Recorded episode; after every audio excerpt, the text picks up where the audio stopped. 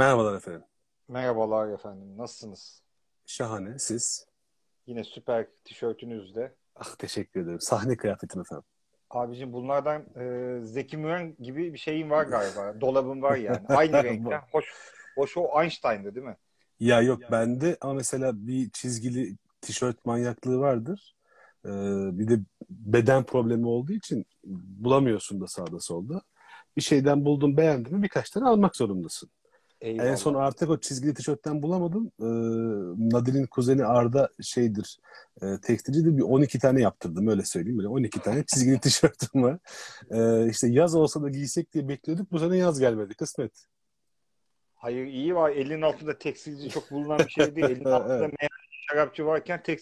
Sen ufak çaplı bir şey olmuşsun. Agasta olmuşsun artık yani her Ne- dükkanda. E şey işte. e, Rakı şimdi ben rakımı dolduruyorum efendim. Şöyle bir şey göstereyim sana. Vay arkadaş ama o şimdi bir şey soracağım. O herhalde Bu fake. şey değil mi? Bu fake. Ha, Şişe gerçek. Ha. Etiket sonradan yaptılar. Ben de bunun içerisine rakı doldurup bunu da evde servis etmeyi seviyorum yani. Abi çok iyiymiş. İmrendim. Bir gün ziyarete geldiğimde o şekilde e, Ya bir tane aslında rakı var bende. Ee, böyle çok sevdiğim birisi hediye etti. İçeriden birisi hediye etti. Ee, Tekirdağ Rakı Fabrikası'nın şişelediği son şişe. ne diyorsun? Evet. O duruyor. Tabii o ciddi bir lanet tabii yani. Orada duracak ve büyük ihtimal içilemeyecek gibi duruyordu. Ee, şu korona günlerinden sonra e, diyorum ki ilk bir araya geldiğimizde bir sofra kuralım. Ee, o Tekirdağ Gold'u içelim beraber. Aa, bir de Gold'u duruyor. Ben sana Evet. daha acayip bir şey söyleyeyim ama. Bir arkadaşın dedesi galiba vefat edince kim olduğunu unuttum. Belki ortak arkadaşımız bile olabilir. Evine eşyaları ta- e, tasfiyeye gidiyorlar. Veya hiç girmedikleri bir yere bile giriyorlar. E, 6 şişe mi 12 şişe mi ne şey buluyorlar abi. Eski rakı. Eski şişede ama.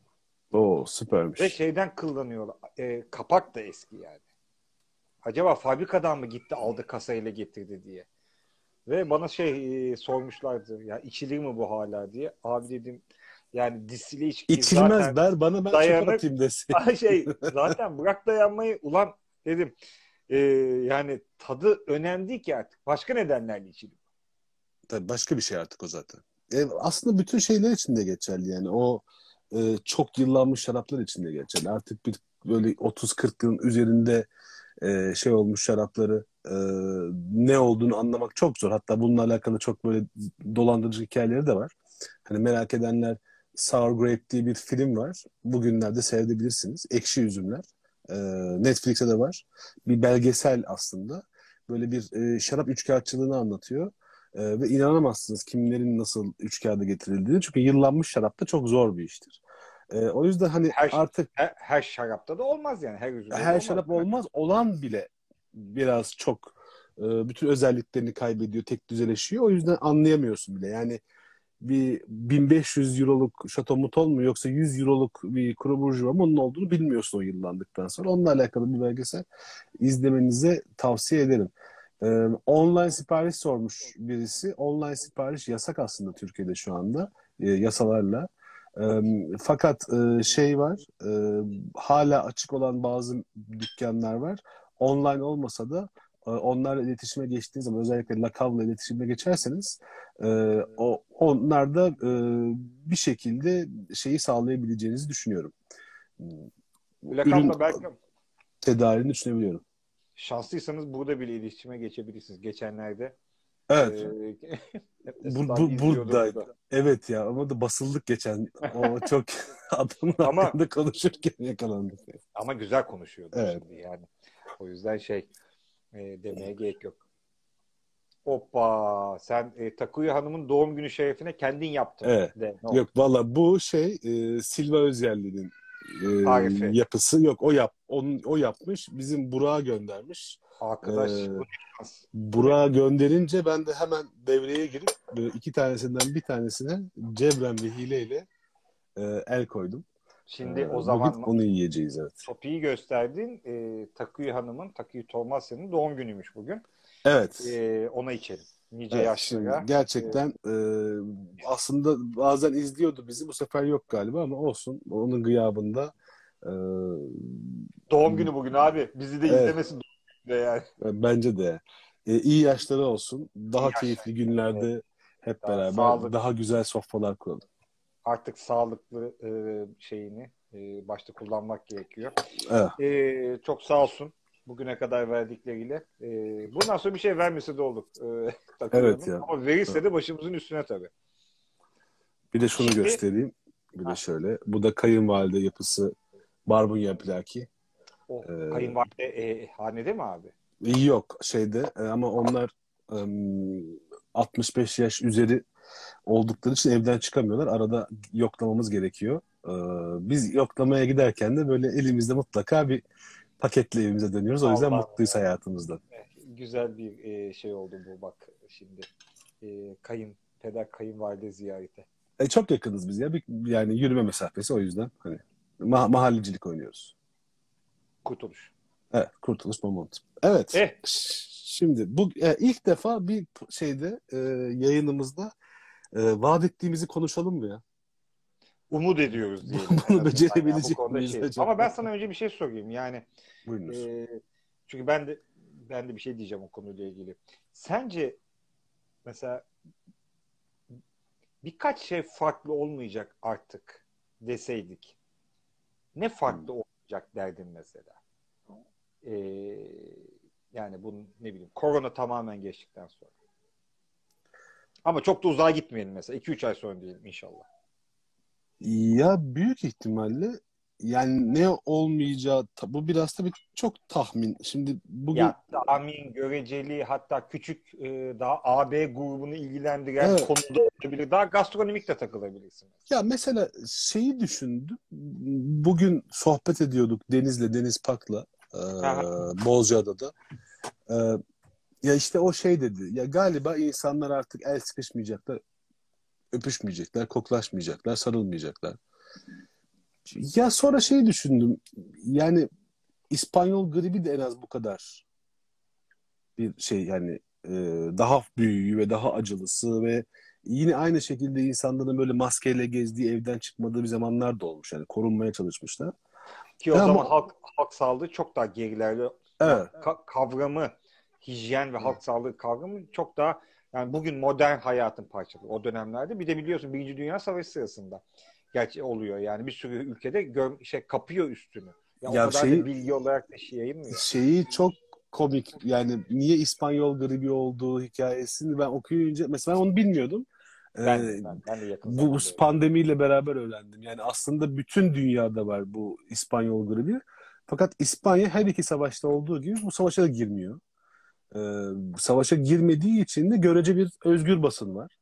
Ee, bu yüzden bu ilk grip haberlerini, gripte ölüm haberlerini, büyük bir e, pandemi olduğu haberlerini İspanyollar paylaşıyorlar dünyayla. Haber oradan çıkıyor. Haber oradan çıkıyor. Aslında çok daha yani başka yerlerden çıktı biliniyormuş. Ee, ve işte o zaman da insanlar maske takıyorlar falan. da.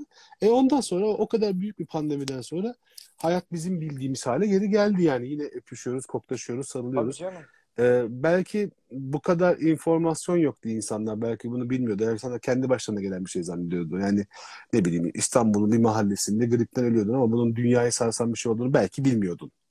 Abicim Birinci Ee, Dünya Savaşı'nı yapmış Avrupa. 30 sene sonra ikincisini yaptı. Yani hiç de Evet. böyle bir şeylerde akıl almış bir tür olduğunu söylenemez yani. Evet. Ben daha okey.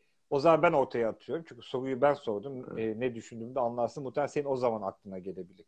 Ee, abi bence AB grubu yani bizim a- çevre için konuşayım hadi. Belli muhitlerde olacak şey. Abi artık insanlara kötü ekmek satılamayacak. Yani e, ben bu kadar insanın içinden ekmekçi çıkacağını tahmin etmezdim. Dolayısıyla artık herkesin ağzında bir ekmek tadı belirmeye başlıyor. Tat dediğin şey de yerleştikten sonra çok kolay değildir ya Evet. onu e, şey yapması. İkincisi bence yani bizim açımızdan burası için de öyle. Meyhane dediğimiz, pub dediğimiz mekanların sadece içme içme yerleri değil, bambaşka yerler olduğu anlaşılacak anlaşıldı bence. E, hakikaten yani Ya bugün İşte bu- çok yakın bir arkadaşımla konuşuyordum. Ee, içkiyi çok seven bir arkadaşım. Yani biz bütün yaz beraber içtiğimiz bir arkadaş. Yani öyle bir hani uzaktan içtiğini bildiğim biri falan değil. Yani beraber bütün yaz oturup içtiğimiz arkadaşım.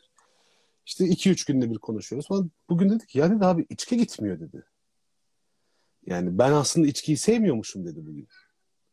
Bu çok önemli bir şey. Yani o kadar hayatında içkiyi önemli bir yere koymuş bir adam. Ya dedi ben aslında içkiyi, alkolü sevmiyormuşum dedi yani. Yani adada olacağım, bir işte çınar ağacına sırtımı dayayacağım, iki tane insanı göreceğim, bir muhabbet edeceğim, bir kadeh kaldıracağım. Yani bunu seviyormuş. Hepimiz için bu geçerli. Yani o yüzden meyhanenin eski tavrına kavuşacak olması çok doğru bir tespit olabilir. Ee, ben şu anda mesela açık söyleyeyim e, yani kaygılandırıyor da yani bir taraftan e, üzülüyorum, düşünüyorum. E, yani o kadar eleştirdik vakti zamanında. Tabii giderek, gitmeyerek, e, hakkında konuşarak, yazarak, çizerek ben neredeyse 10 küsur senedir yazıyorum mey- meyhaneler hakkında. E, kitap da var, belgesel de var. Ama e, yani 2000 senelik bir gelenekten bahsediyoruz ve meyhane demek İstanbul demektir ve eğer e, İstanbul dışında bir markadan konuşacaksak, bir e, markalardan, bazı markalardan bahsedeceksek onlardan biridir meyhane. Kendi Tabii, tabii. içinde bir sürü problemler olabilir. Yönetilme biçimleri, e, şey biçimleri. Çünkü insanlar artık meze de yapmaya başladı evlerinde. Bütün meyhaneciler artık bu saatten sonra kötü meze de yapamayacaklar. Bu tip musibetten nasihatler çıkacak elbette. Ama e, meyhanelerin yaşaması lazım. Şu anda çok zor zamanlar geçiriyor. Evet. İngiltere'de publar bütün işletmeler gibi Müthiş bir yazı bu arada tam. Gerçekten bu Eyvallah. sabah okudum. Böyle hani şey bazı şeyi okurken mutlu oluyorsun ya. iyi bir şey okuyor olmanın yani şeyin e, yazının kendinden mağda hani o iyi bir şey olmaktan mağda iyi bir şey yapıyor olma hoşnutluğu vardır ya çok mesela ben birçok iyi yazarda onu görürüm mesela hani iyi bir şey okuyorsundur ama ondan bağımsız kendini iyi hissedersin. iyi bir şey yapıyorsun diye senin Oh, yazını oh. okurken resmen onu hissettim yani. Bunu ne bir- güzel bir şey okuyorum diye. buradan değil bir yazardan da duymak güzel oldu. Ama fark etmişsindir. Yoruldum yani. Burada bayağı topladım yani. Malumat topladım. Bilgi topladım. Neyse şeyi söylemek istiyorum. Burada publar bir sürü e, işletmeler gibi devletten yardım alacaklar. E, çalışanlarının maaşını ödemek için kendi e, inkamlarıyla, e, gelirleriyle orantılı olarak her, nasıl ne, ne bileyim bir dükkan da alıyorsa onlar da alacaklar. Türkiye'de meyhaneler yani bir sürü yani hiç kimse yardım almadığı için tabii e, hele meyhanelerin böyle bir yardım alacağını hiç zannetmiyorum. Yani öyle veya böyle e, hayat normale girdiği zaman e, insanlar özel yani müdavim oldukları mekanlardan başlayarak bence ciddi bir e, şey network'ü sürdürmesi lazım. Bir dayanışma içmeleri e, sürdürmeleri lazım. Çünkü meyhanenin e, yokluğunu e, eksikliğini bence yok olduğu zaman daha iyi anlıyoruz. Evet yani Değil. bu yani Bir de şeyi söyleyip topu sana atacağım. Bir de abi sağlık denen mevzunu ücretsiz e, nitelikli sağlık ihtiyacının nasıl temel bir ihtiyaç olduğunu ve e, bu mesela AB grubu dedi. Bence bunu çok ciddi e, toplum kesimde yapmaya başlayacak. Hiç de böyle bir özel hizmete girmeyeceğini ve sağlığı özelleştirmenin aslında nasıl ciddi tehlikeleri olduğunu ben İngiltere üzerinden de söylüyorum mesela bunu tartışıyoruz. Şimdi artık 50 sene herhalde bu tartışma yine yapılamaz. Olduğunu görmüş olacağız. Deyip topu sana atıyorum. ben bu sağlıkla alakalı şeyi de söyleyeyim. Valla Türkiye'de e, bence birçok şey yani şu anda hükümetin bu pandemiyle mücadelesinde e, ki birçok mevzu e, maalesef bu iktidardakilerin e, iktidarlarını muhafaza etme öncelikli yapılıyor. Çok şaşırdık. Yani çok, tabii şaşırmadık da e, o yüzden mesela birçok şey işte bu e, özel hastanelerin bu pandemi sırasında parasız olmaya çalışması falan gibi hikayeler biraz aslında insanların bu sorgulamaları yapmamasını sağlamak için de yapılıyor olabilir. Öyle bir kendimce bir komplo teorim var. Ya ben e, açıkça biraz e, insanoğlunun bu kadar ders aldığını ve hızlı değişmediğini düşünenlerdenim. Ee, biraz bu hani o her şeyle alakalı ya işte sürekli üç gündür bunu tekrarlıyorum. Karl Marx'ın şey dönüşü oyununda bir laf vardı. Ee, ben işçiler birleşsin diye demiştim diyor Marx ama e, o benim sözümü patronlar dinledi diyor. Hani patronlar birleşti. Şimdi küreselleşme globalizasyon dediğimiz şey evet inanılmaz bir şekilde sadece kar odaklı bir şey haline gelmişti. Biz de hep böyle görüyoruz. Ee, ben biraz bu pandemi durumundaki konuşmaları şeye benzetiyorum. Mezarlık başı konuşmalarına benzetiyorum. Yani mezar başına gittiğin zaman o mezarlıkta hep dersin ya ulan valla her şey çok manasız. İşte gireceğiz bu toprağın altına dersin. Sonra mezarlıktan çıkarsın. Toplantıya yetişmek için taksi peşinde koşmaya başlarsın. Hiçbir şey olmamış gibi. Bu pandemiden sonra böyle de olabilir gibi geliyor. Pandeminin ne kadar sürdüğüyle alakalı. Fakat esas bence değişime uğrayacak şey biraz insanların sahip olduğu mülkiyetleri belki sorgulayacaklar. Yani evinde oturuyorsun ve şu andaki Bodrum'daki yazlığın seninle hiç alakası yok. E, garajdaki arabanın ne kadar iyi olduğu hiç önemli değil. E, dün aldığın e, 300 bin liralık e, bilmem ne, ne bileyim 30 bin liralık e, çantayı e, kamerada ancak takıp birine gösterebilirsin. Yani aslında mülkiyetin özellikle lüks harcamanın, lüks mülkiyetin ne kadar manasız bir şey olduğunu belki insanlar anlayabilirler gibi geliyor. Ee, bu çok temel bir soru. Evet. Sağlıktan sonra bunu da becerirsek zaten ufaktan bir şeyi yürümeye başlıyoruz. Evet. Hiç fena değil. Evet, rahat rahat o zaman e, Evet. rakı adabı, meyhane adabı konuşabiliriz. Evet ya sonunda me- mevzuya gelebiliriz. Yani 20 dakikada toparladık inşallah şu rakı adabı şeyine e, gelelim. Şimdi Evet. r- rakı adabı diye bir şey var mı Tam Beyciğim diye sana sorarak başlayalım hemen. Abi valla e, okuduklarımızdan, dinlediklerimizden olduğunu e, biliyoruz. Yani e, bizim şansımız da oldu tabii üstadlarla aynı masada oturma. Bir de hani e, modern dönemlerde artık rakı adabı dediğin şey e, kendisinden daha ziyade onu konuşmak daha hani e, ağır bir şey. Yani o bir e, hiyerarşiyi belirliyor. Bu e, mekanik ortamında, rakı masasında senin rütbelerini belirleyen bir şey. Yani bir e, uygulayıp uygulayamadığından veya tanık olduğuna hani şu, ben rütbeyi birazcık da şöyle görüyorum meyhane masasındaki. Yani kaç tane üstadla oturmuşsun onları dinlemişsin yani. Üstad derken bizim e, kamuoyunda bilinenlerden değil.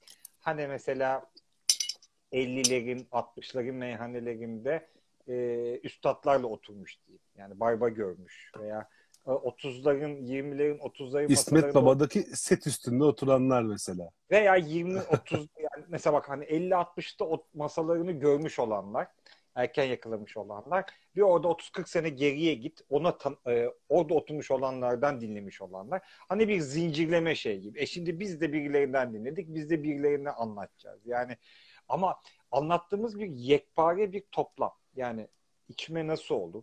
Çünkü rakı içiyorsun ya hani bir de sert bir şey içiyorsun. Bir de yanında bir büyük bir ritüelle içiyorsun. Hani bu bira içmek gibi değil.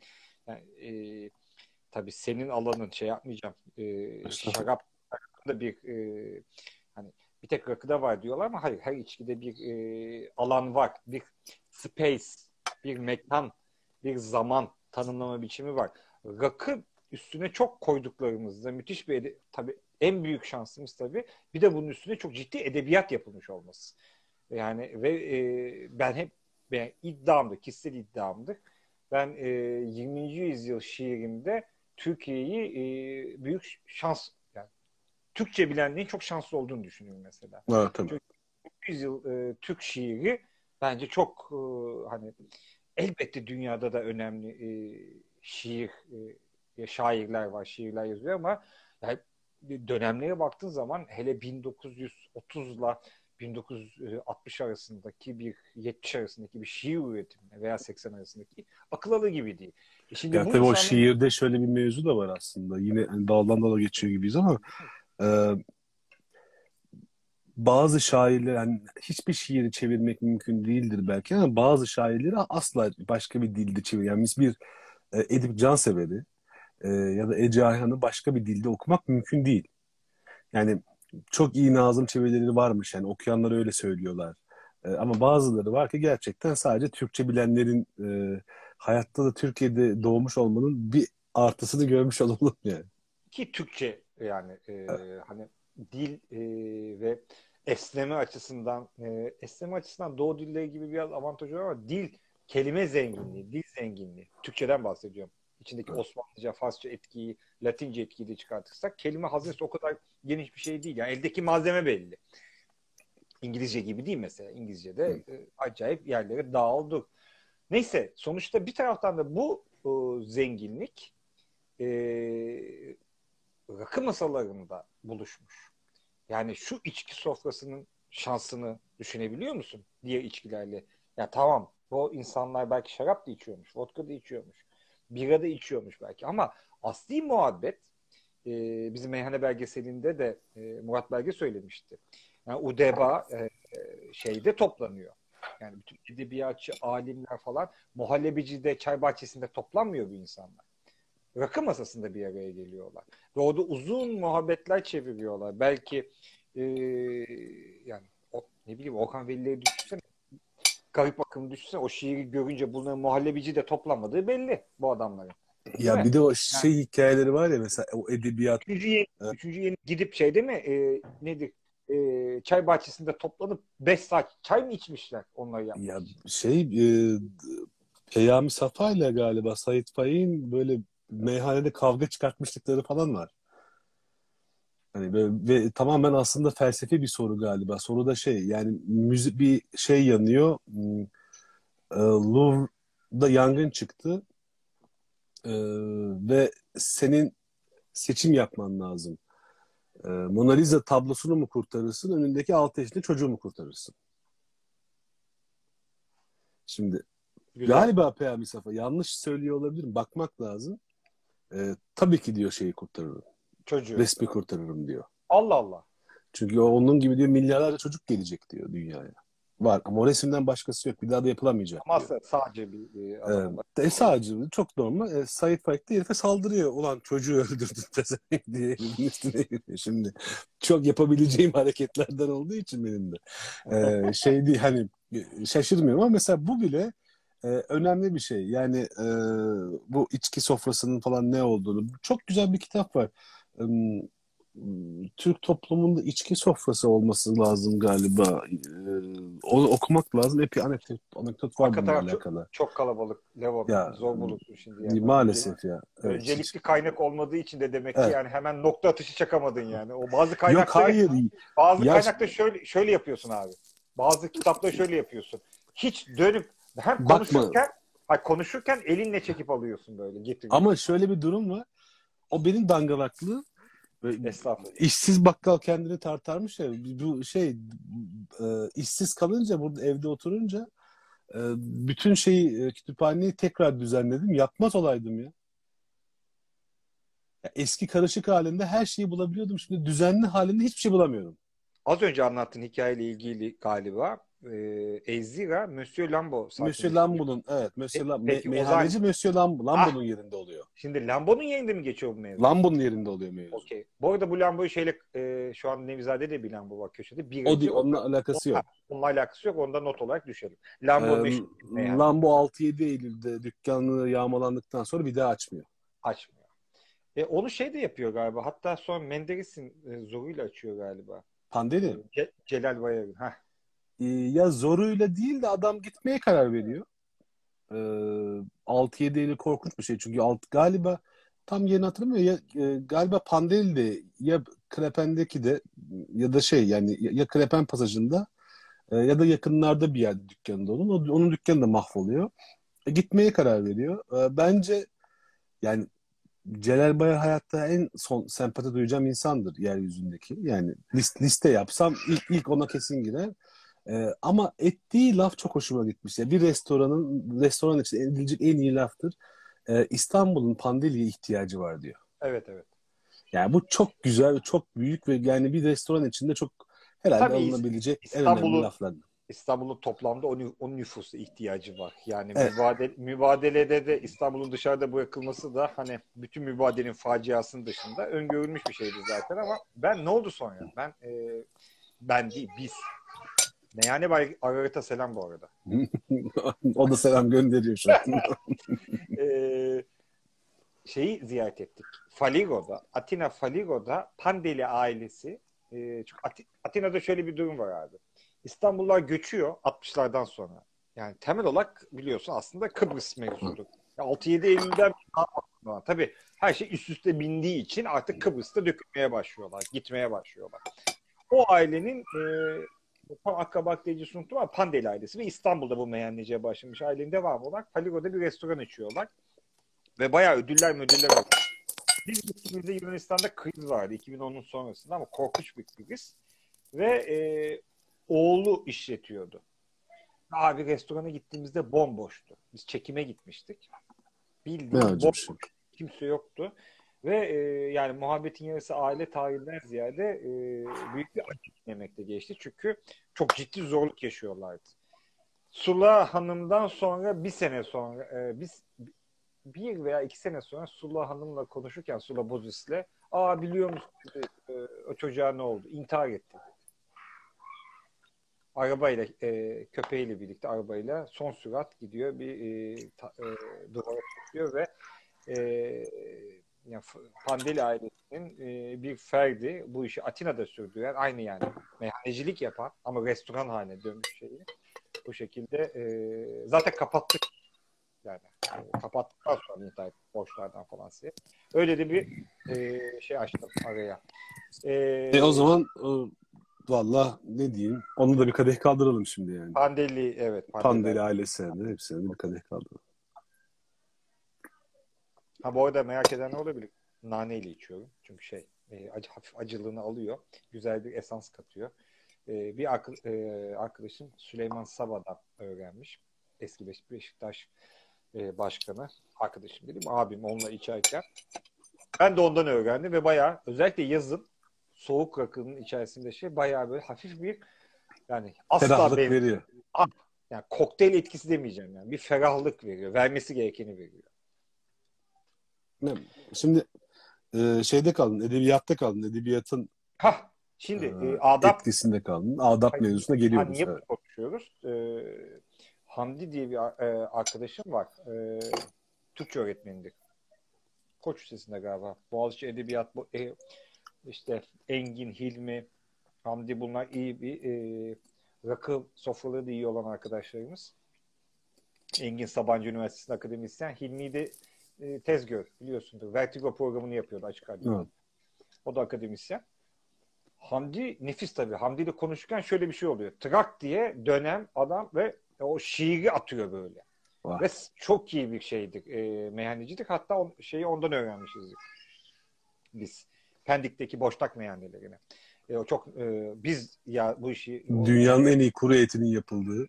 Ha, ama 2009'da biz kitabı yazarken 2008-2009'da hakikaten bilinmezdi orası. O kadar az insan bilirdik ki. Bu arada alt paralel sokağı orası Meyhaneler Sokağı'dı. İşte e, oldu. Alt paralel sokağın ismi ne abi? Kenevir Sokağı. Süpermiş. Yani Pendik'in, Abdurrahman Dilipak duymasın. Pendik'in orta yerinde bu Amsterdam'da Christiansen miydi neydi bir şey vardı ya. Bilmiyorum. e, şimdi aşağıdan gelir kesim. Öyle bir yer var yani. Bir de Pendik gibi bir yerde. Ya Pendik'in içerisine Samatya bırakmışlar. Neyse o şimdi onu aklıma geldi. Şiirleri söylerdi. Demek istediğim şu. Öyle şanslı bir içki ki özellikle 20. yüzyılda bu arada. Müthiş bir edebi birikim eşlik etmiş. Hakkında yazılan şiirin tamam şarap içinde yazılmıştır elbette biri için yazılmıştır ama yani bütün o, o edebi e, hani romantik realist e, bütün o tonlar dönem tonlarını da alıp yani buna bambaşka bir hale dönmüş rakı artık. Yani. Ya şöyle bir şey, e, yani müthiş bir e, avantgard durum var. E, o zaman edebiyatında, e, rakısında yani mesela o, o, o gerçekten çok kıymetli bir şey. E, o avantgardlığı aslında e, işin ruhuna da çok uygun ya. Yani biraz bohem tarafı da var.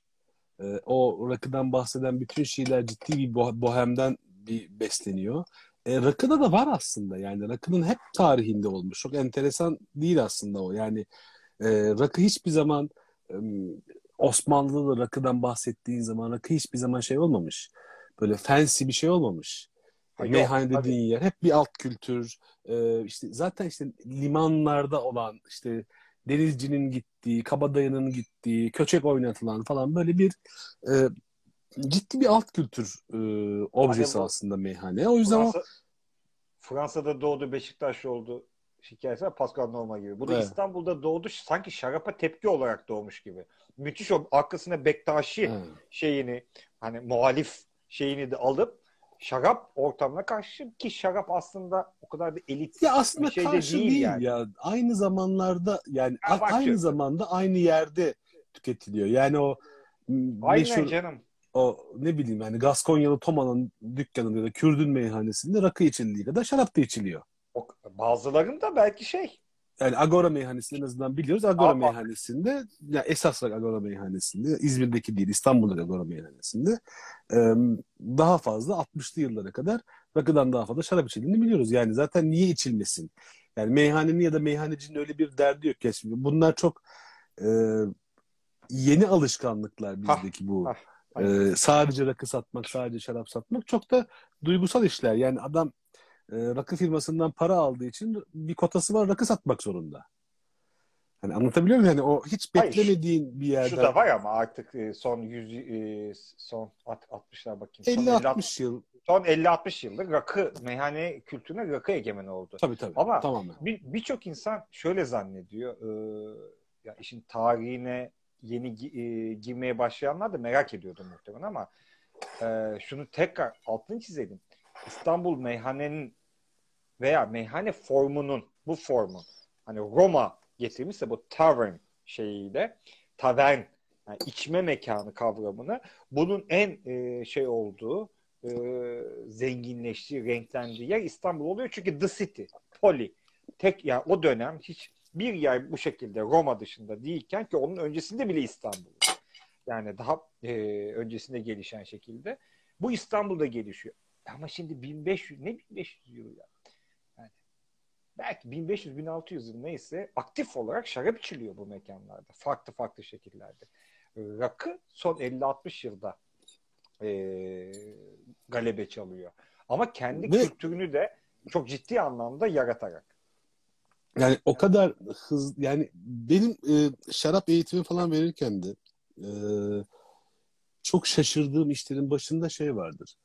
E, insan tahmin ettiğimizden daha stereotip bir şey.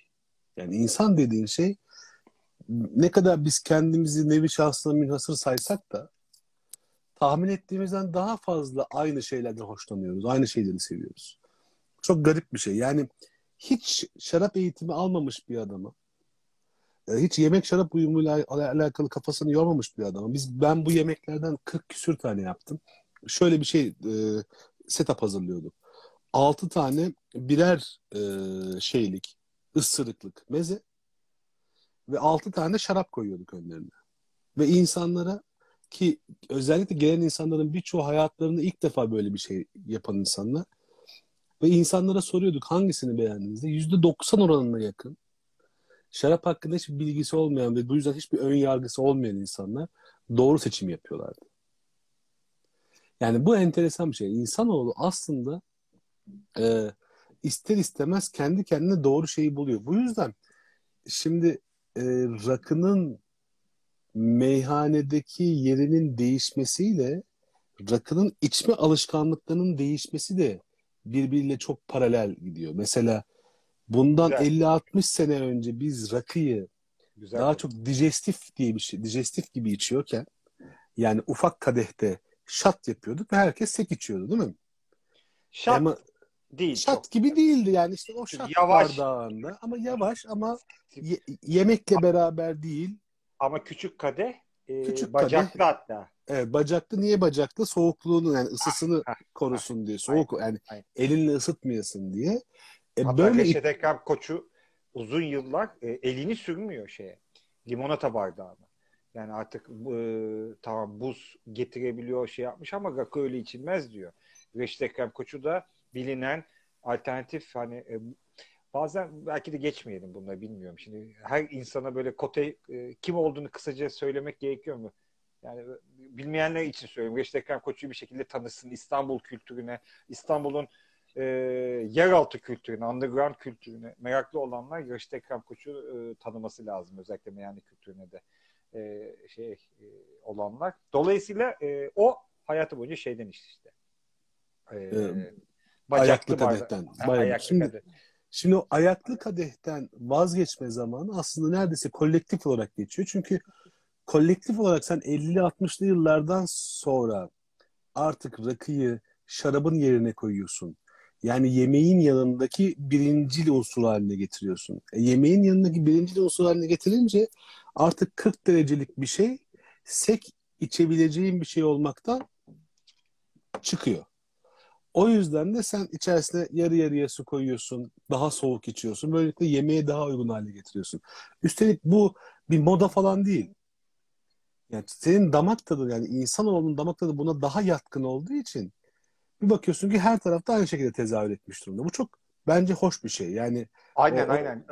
Bu yani bu ne kadar şey aslında bayağı da alakalı doğru diyorsun yani sen şu açtığın konu e, yani şeyi içme şeklinin değişmesiyle birlikte mesela adab adabı da ilgilendiren bir şey. Hani içki içme adabı arasında e, biz hep şunları dinlemiştik. Hani bu bunun en efsane e, şeyi Ahmet Kasım'dan yapılmış. Alıntı o. Bir lüfer yanağıyla 100 dirhem rakı evet. içilir dediği de bir küçük 35'e yakın rakı tam 35'lik değil ama şimdi ama bunun dışında şunu da dinledik. Yani ağzına masada bir zeytin atınca dur ne yaptın onunla daha bir e, küçüğü bitirecektik diye o bir tane zeytin parçası veya erik bir erikle bir elma dilimiyle şimdi bu senin az önce dediğini anlatıyor ama bu bir ritüel yani bunu ha. bu adam bir kere düzenli yapıyor ve e, peşinden akşam yemeğini ailesiyle bilmem neyle falan yiyor.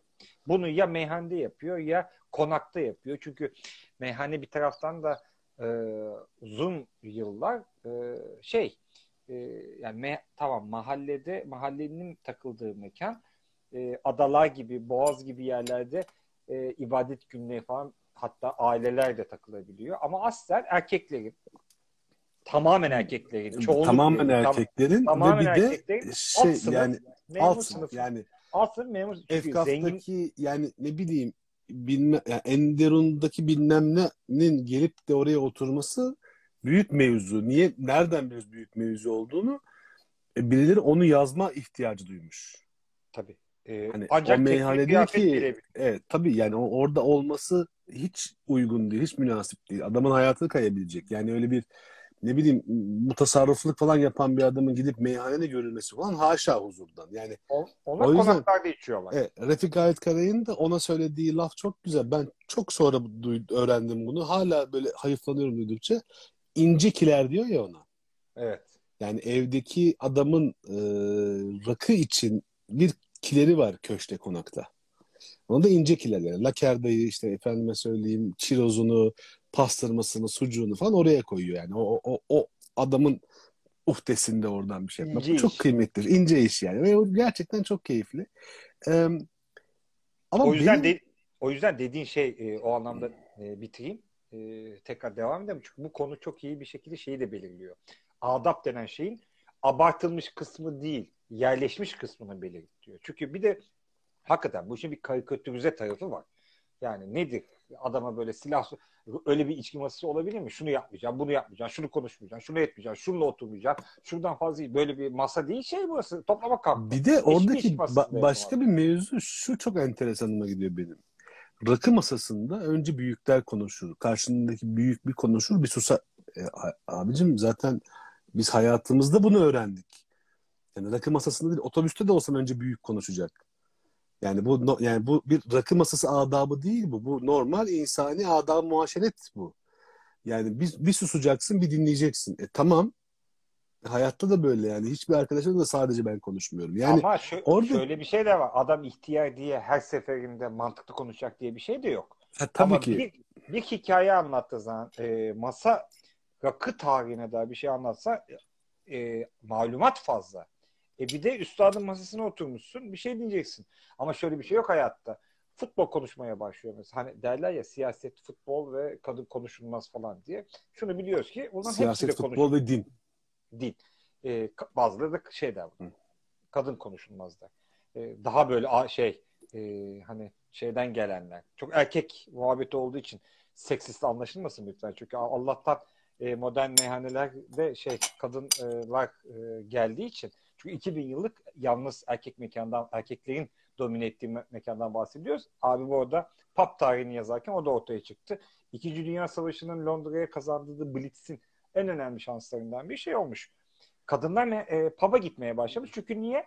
kazandıkları parayı harcayacakları alan yok. Tekstil endüstrisi yok, alışveriş alanı yok. Ne yapacak?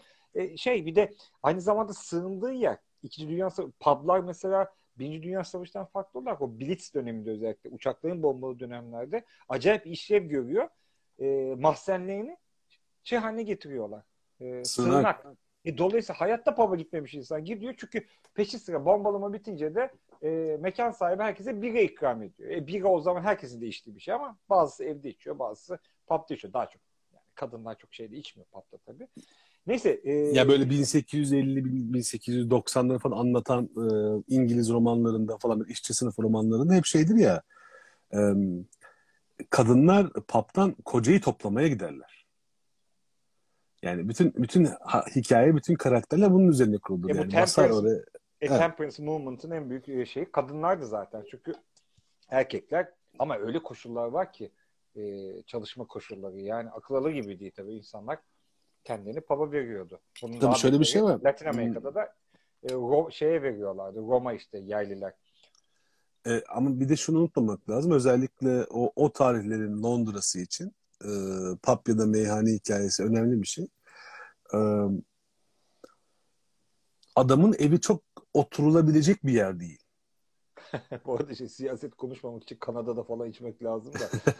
Şimdi evet Valla bizi, şey... bizi Kanada'ya götür. Biz orada da şey yaparız ya. Ya e, tabii canım bir kere biz abi biz Londra'da yaşıyoruz yani. Biz burada otururken siyaset konuşuyoruz. Yani biz Türkiye'liyiz artık yani şey bir şey yok. O yüzden dedim ya o konuşulmaz, bu konuşulmaz, şu konuşulmaz değil. Artı 70 yaşında bir adam konu siyasetken, futbolken bilmem e, bu ikisi bak anılardan bahsetmiyorum adaptan. Ama bu ikisiyken çok doğal olarak aşırı saçmalayabilir. E adamın yaşına hürmet mi duyacağım aşırı saçmalıyorsa? Irkçılık yapıyorsa masada bana ne? Bir adam 80 yaşında ırkçıysa ırkçıdır. Bundan sebep özel bir ayrımcılığı yoktur yani. Ayrıcalık tanınamaz ona. Ya dede tamam sen de hadi rakımızı içelim ırkçılık yap tamam neyse bir dinleyelim seni. Yok abi yok böyle bir şey. O yüzden adap dediğin anda e, ben şunu merak edeyim ama 60'larda 70'lerde e, Krepen pasajında nasıl içtiklerini, ne meze verdiklerini, masaya kim... Şimdi bu bu deneyim. Bunun benim yaşama şansım yok. Bunu o deneyimler üstüne geliştirdiği başka mekanlarda içme pratikleri bunlar deneyim. Benim bunu bilmem şeyim yok. Ve bunu biraz edebiyat, biraz sanat, biraz muhabbetle birleştirdiği zaman, even küfürle birleştirdiği zaman bu başka bir hale geliyor. Bu işte. Susulacak muhabbet bu. Ama ötesi rakı adabı deyip birazcık böyle nostaljik, anakronik e, hale getirilmiş bir şey.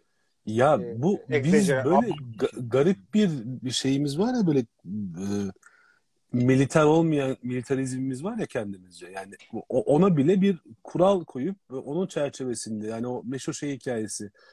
Ben onu bilmiyordum. Senden duydum. Senden duydum galiba meze tabaklarının büyümesi.